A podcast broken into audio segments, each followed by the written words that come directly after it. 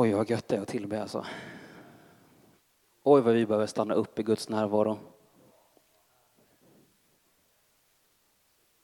Vi behöver bli så mycket mer lika honom. Och jag är så, så glad också, jag har känt hela den här våren att vi behöver läsa evangelierna så mycket mer. För det är honom vi ska bli lika ju. Det är bra att läsa Paulus och få förståelse för, för vad det är som händer och få, ja, han förklarar mycket gott. Men för att bli mer lika Jesus så behöver vi också läsa om Jesus och vad han gjorde. Så därför blev jag väldigt glad när vi skulle ha en hel sommar som bara går igenom vad Jesus har gjort. Just Markus evangeliet också är ju fantastiskt fullproppat med vittnesbörd om vad Jesus gör och vem Jesus är. Men innan vi går in i ordet så ska jag bara ge lite kort info. Imorgon, eller snarare i den här veckan som kommer nu, så är det dags för årets stora tonårsläger, Chili XL. Så vi är ett gäng ledare som åker imorgon redan, redan 7.30 imorgon bitti. Ska vi åka till Hjälmagården och så ska vi ha ledardygn och förbereda både oss själva och gården inför tonåringarnas ankomst på tisdagen. Eh, så det kommer bli grymt och jag skulle verkligen vilja uppmuntra er och uppmana er att be för det här lägret. Be, att, be om gudsmöten, be om frid för ungdomarna och ledare. Be om djupare relation till Gud för ungdomarna eh, och be om välsignelse och beskydd. För det är ju Ibland så är det lite struligt sig innan läger och så, lite frustrerande. Så vi behöver verkligen er förbön. Men det kommer bli superbra. Jag skulle önska att vi ber nu direkt. Går det bra? Då gör vi det.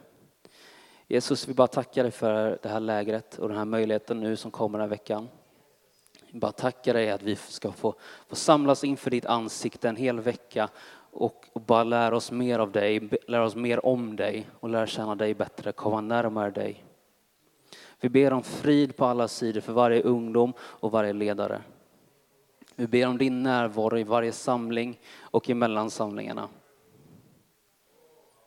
Låt ditt rike komma, låt din vilja ske. I Jesu namn. Amen. Gött hörni. Glöm inte att be nu i veckan. Nu har ni lovat det. Har man lovat att man ska be för någonting, då ska man göra det. Fick jag lära mig när jag teamade på Ny Generation. Då sa de det, har ni lovat att ni ska be någonting, gör det med en gång, för annars glömmer ni det med en gång. Så det gäller att komma ihåg det. Gött hörni, vi är inne i åttonde kapitlet. Vet ni vad det betyder? Vi är halvvägs. 16 kapitel och vi är i åttonde nu. Så vi är halvvägs igenom Markus evangeliet. Vi ska ta och läsa lite om du har din bibel med dig så kan du öppna Markus 8. Det är där vi befinner oss och så ska vi till vers 27.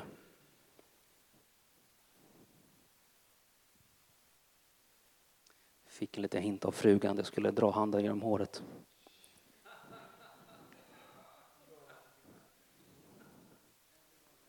Så kan det vara. Har ni hittat det?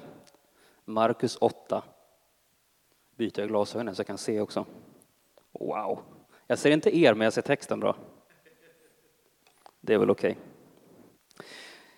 Nu läser jag. Vers 27. Sedan gick Jesus och hans lärjungar till byarna kring Caesarea, Caesarea Filippi. På vägen frågade han dem, vem säger människorna att jag är? Somliga säger att du är Johannes döparen, svarar de. Några säger att du är Elia och andra att du är någon av profeterna. Då frågar han dem, vem säger ni att jag är? Där stannar vi nu. Detta är frågan som repeteras genom hela Markus evangeliet. Markus skriver inte detta för att han själv undrar och behöver besvaras frågan i någon, någon, av någon annan, utan han skriver liksom redan i första versen i brevet att detta, eller här börjar de goda nyheterna om Jesus Kristus Messias, Guds son. Men han ställer den här frågan genom hela evangeliet, inte för att han behöver veta, men för att vi ska få ställa oss frågan, vem är den här mannen? För att vi, du och jag, som bör lära känna honom mer, eller människor som inte alls känner honom ska få lära känna honom och få ställa sig själva frågan och börja fundera över vem är han egentligen? Utifrån de vittnesbörden som Markus skriver om. Och om du inte har hört eller läst de tidigare sju kapitlen så kan jag ge dig en liten snabb recap här. Så vi hörde att först skriver Markus att eh, detta är, vad sa jag, här börjar det goda nyheter om Jesus Kristus Messias, Guds son. Så. Och sen så börjar storyn börja med att Jesus blir döpt och en röst kommer från himlen och säger det här är min son, min älskade son och du är min glädje. Sen så börjar alla vittnesbörd. Jesus hela Simons svärmor och många fler står det. Sen botar Jesus en spetälsk. Därefter en förlamad man. Sen helar han en man med förtvinad hand. Därefter befriar han en man. Sen botar han en kvinna med blödningar och uppväcker en flicka från de döda. Fin kombo va? Sen ger han mat till 5 000 med hjälp av nu ska se, fem bröd och två fiskar. Sen kommer ett stycke där Jesus botar alla som rör vid honom. Därefter helar han en man som är döv och har talsvårigheter. Sen ger han mat till 4 000 med hjälp av sju bröd och sen helar han en blind man. Och där är vi framme vid kapitel 8 och då är vi bara halvvägs. Och då har vi inte ens pratat om all undervisning, alla liknelser och alla diskussioner som Jesus har med, med fariseerna och sina lärjungar. Jesus är busy. Han gör sjukt mycket. Och detta är för att peka på vem han är. Han är inte bara människa, han har en speciell relation med Gud. Jag tror inte någon kan tvivla på i Jesu tid då, att han verkligen var en profet. Men inte nog med att han helar en massa folk, utan han tar också ett steg längre.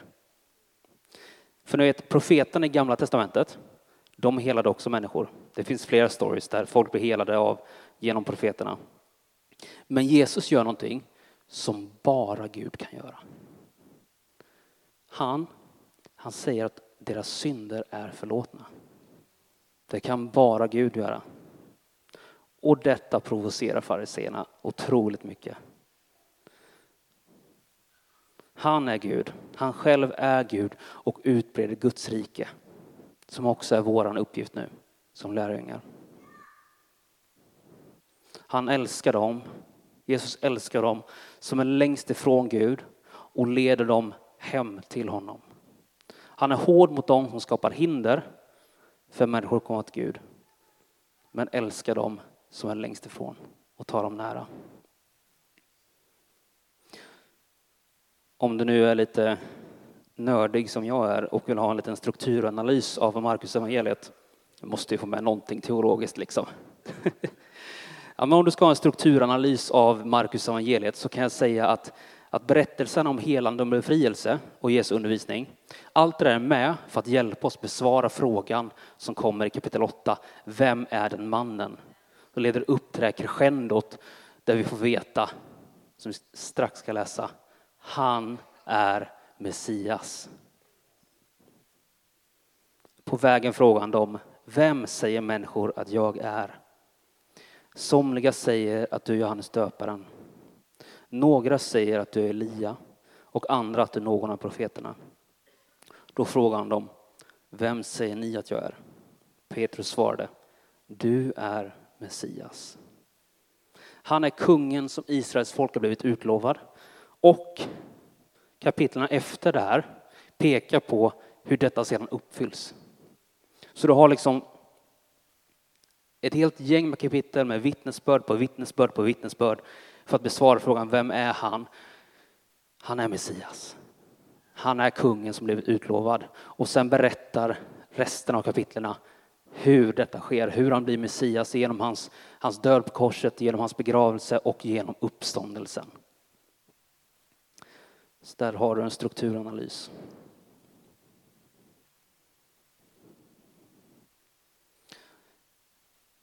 Och det här Petrus bekännelse här, du är Messias. Det är helt sant. Han har helt rätt. Men vad det innebär för lärjungarna och vad det innebär för Jesus är två helt olika saker.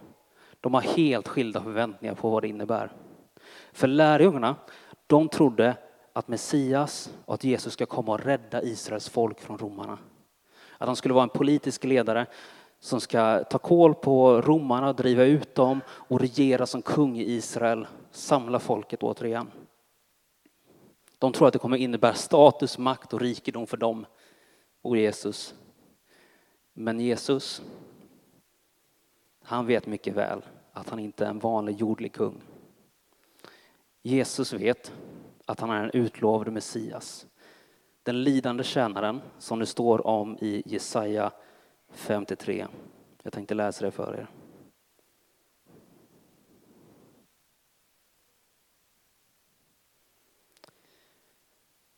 Vem trodde på vårt budskap och för vem har Herren uppenbarat sin arm?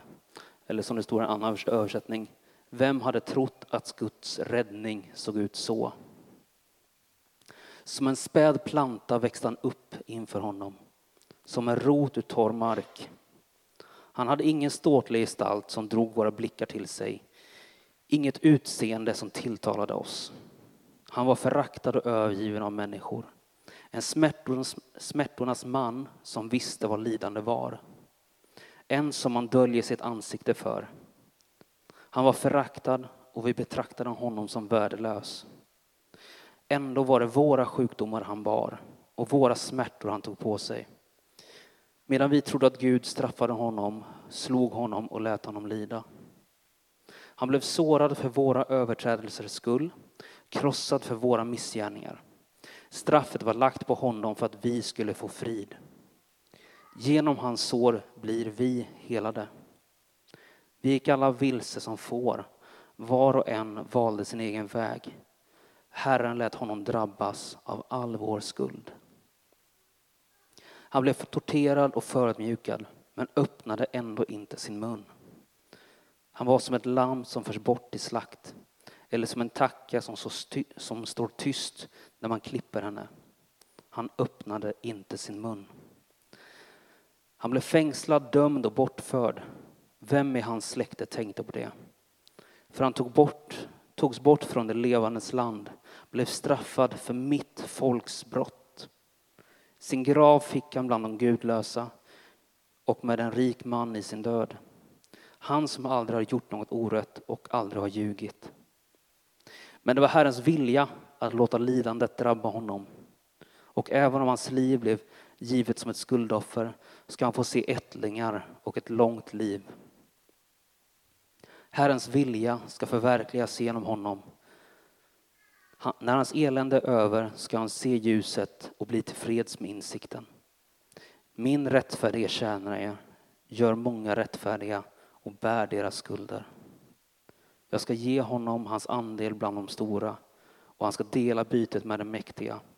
För han var beredd att dö. Han räknades som en syndare när han bar de många skuld och bad för syndarna.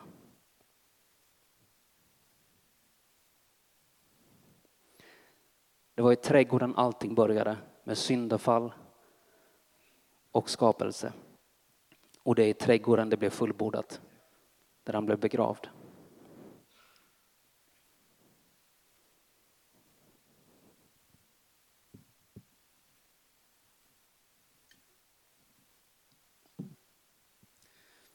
Och vad innebär det här nu för oss då? Jesu exempel i Markus evangeliet. Vi är ju kallade till att vara lärjungar, eller hur? Att bli lika honom. Vi är kallade till Gud, ska jag säga, men sända till världen. Vi är först och främst kallade till Gud, men sen sända till världen. Vårt hem är hos Gud. Han skjuter inte bort oss. Så att bli lika Jesus, det innebär att hela de sjuka, befria de fångna. Och typ som det står i Jesaja 61. Herrens, Herrens ande över mig, för Herren har smort mig till att förkunna goda nyheter till de förtryckta. Han har sänt mig till att ge de förkrossade bot och förkunna frihet för de fångna och befrielse för de bundna. Att ropa ut ett nådens år från Herren och en hämndens dag från vår Gud. Att trösta alla som sörjer och ge det sörjande i Sion en huvudprydnad istället för aska. Glädjens olja istället för sorgedräkt, lovsång istället för modlöshet och kallas rättfärdighetens ekar.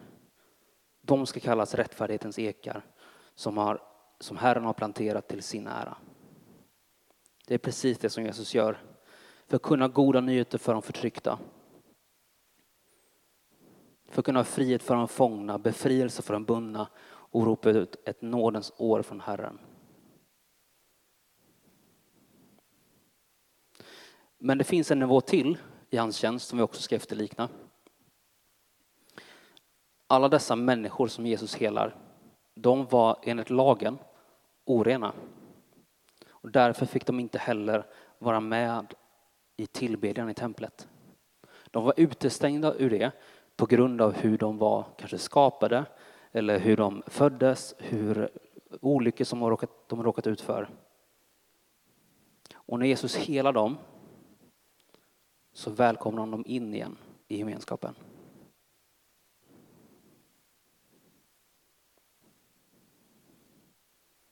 På grund av deras att de var sjuka eller bundna eller besatta så fick de inte komma nära Gud. Men Jesus tar dem nära. Och Jesus får ju till och med frågan om några fariseer i något av evangelierna. Om en, kanske kommer ihåg storyn, en man som är sjuk och de frågar vem är det som har syndat, han eller hans föräldrar? Så han var oren, fick inte vara del av det. Men genom att Jesus helar honom så får han vara en del av tempeltillbedjan igen och komma hem till Gud. Fariseerna var en grupp människor som kunde lagen mycket noggrant och ville hålla den för att göra Gud glad. Men i sitt försök att göra Gud nöjd så stänger de ut en massa folk från det här. Fariséerna sätter upp hinder för människor från att kunna möta med Gud. Men Jesus river ner de murarna och välkomnar dem hem. Och detta är också något som vi kallar det till. Att ta bort hinder för människor så de kan komma till Gud. Och jag tror att vi i kyrkan har liksom i alla tider riskerat att bli murbyggare som skapar hinder för folk från att komma till Gud. Jag tror vi måste bevaka våra hjärtan och hålla oss borta från det. Och det är nog av den anledningen som Jesus ständigt varnar lärjungarna från, som han kallar fariseernas surdeg. Att hålla oss borta från det som fariseerna står för. Eller som liksom att de har ju goda intentioner men det blir helt fel. För det hindrar folk från att komma till Gud istället. Så vi måste bevaka våra hjärtan och hålla oss borta från fariseernas surdeg.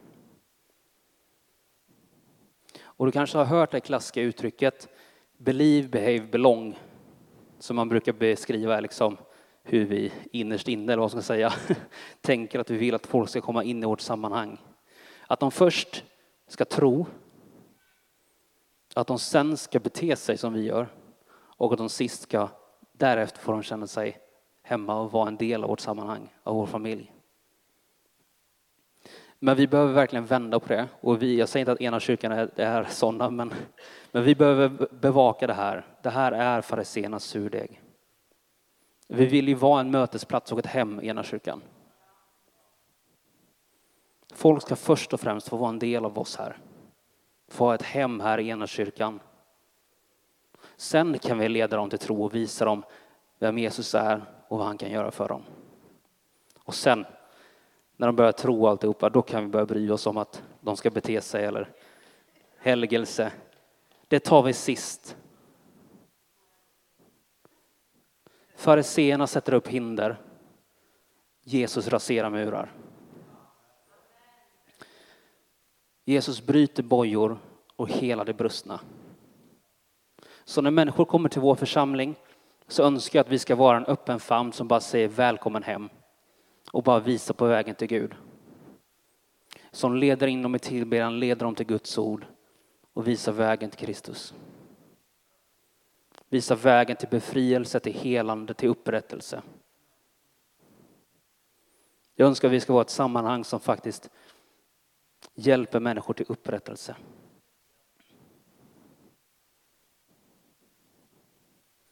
Så min bön är liksom idag att, att Jesus ska både krossa våra hjärtan för det som krossar hans, att se de som är brustna och att visa dem att här har du ett hem. En klassisk bild är att säga att vi är ett sjukhus för de brustna i det andliga. Låt oss vara det. Låt oss se de svagaste, både fysiskt och andligt. Låt oss hjälpa dem att komma hem. Jag tror verkligen vi behöver be om hjälp att ha en sån öppen famn, för det kan vara utmanande. Och jag tror också vi behöver be om att ha tålamod med de här människorna, för det kan vara, kan vara prövande. Men låt oss hålla oss borta från fariséernas surdeg. Och låt oss läsa om Jesus, om det han gör. Och be om att kunna vara en öppen famn och ha tålamod med människor. Låter det bra?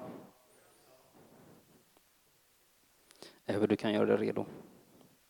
Jag tänker vi ska be för dig idag, att vi ska, vi ska få ha en öppen famn och mycket tålamod.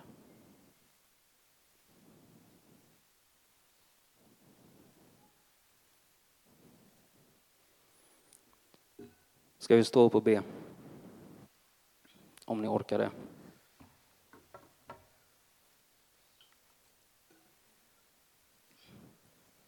Jesus, tack för din närvaro.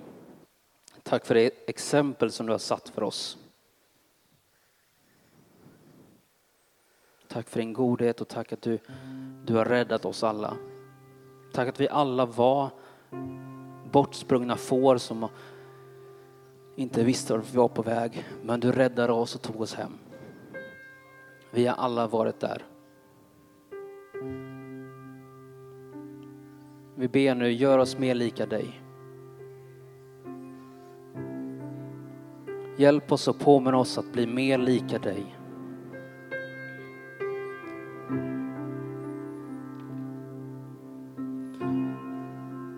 Hjälp oss ha en öppen famn för människor som, som inte ännu vet att de behöver dig. Ge oss tålamod och, och mildhet och godhet att se dem och omfamna dem.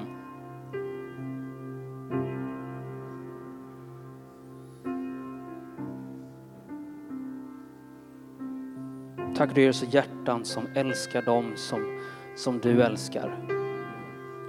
De som står längst ifrån dig.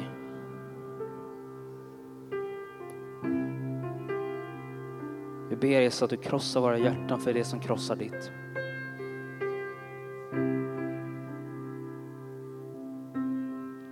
Få känna det du känner för människor och låt oss se det du ser i människor.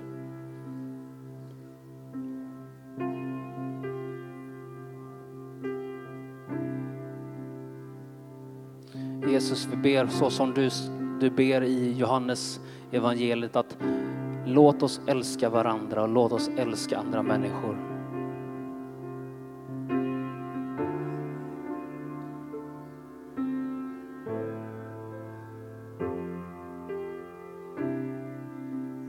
Att vi får komma till dig och fyllas på av din kärlek. Tack att vi inte behöver göra det här i egen kraft ens, utan att vi, du bara fyller på oss och vi kan bara vara brustna kärl som läcker ut av din kärlek och din närvaro. Så vi ber nu Jesus, kom fyll på oss. Kom fyll på med all din godhet och all din helighet. Ge oss mer av dig. Låt det flöda över.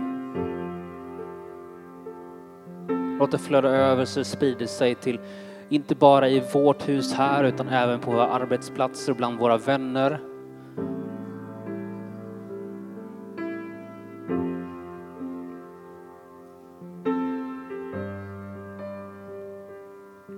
Låt oss inte bara öppen famn här i vår kyrka, utan låt oss stå med öppna armar även i de sammanhang vi står i på vardagarna.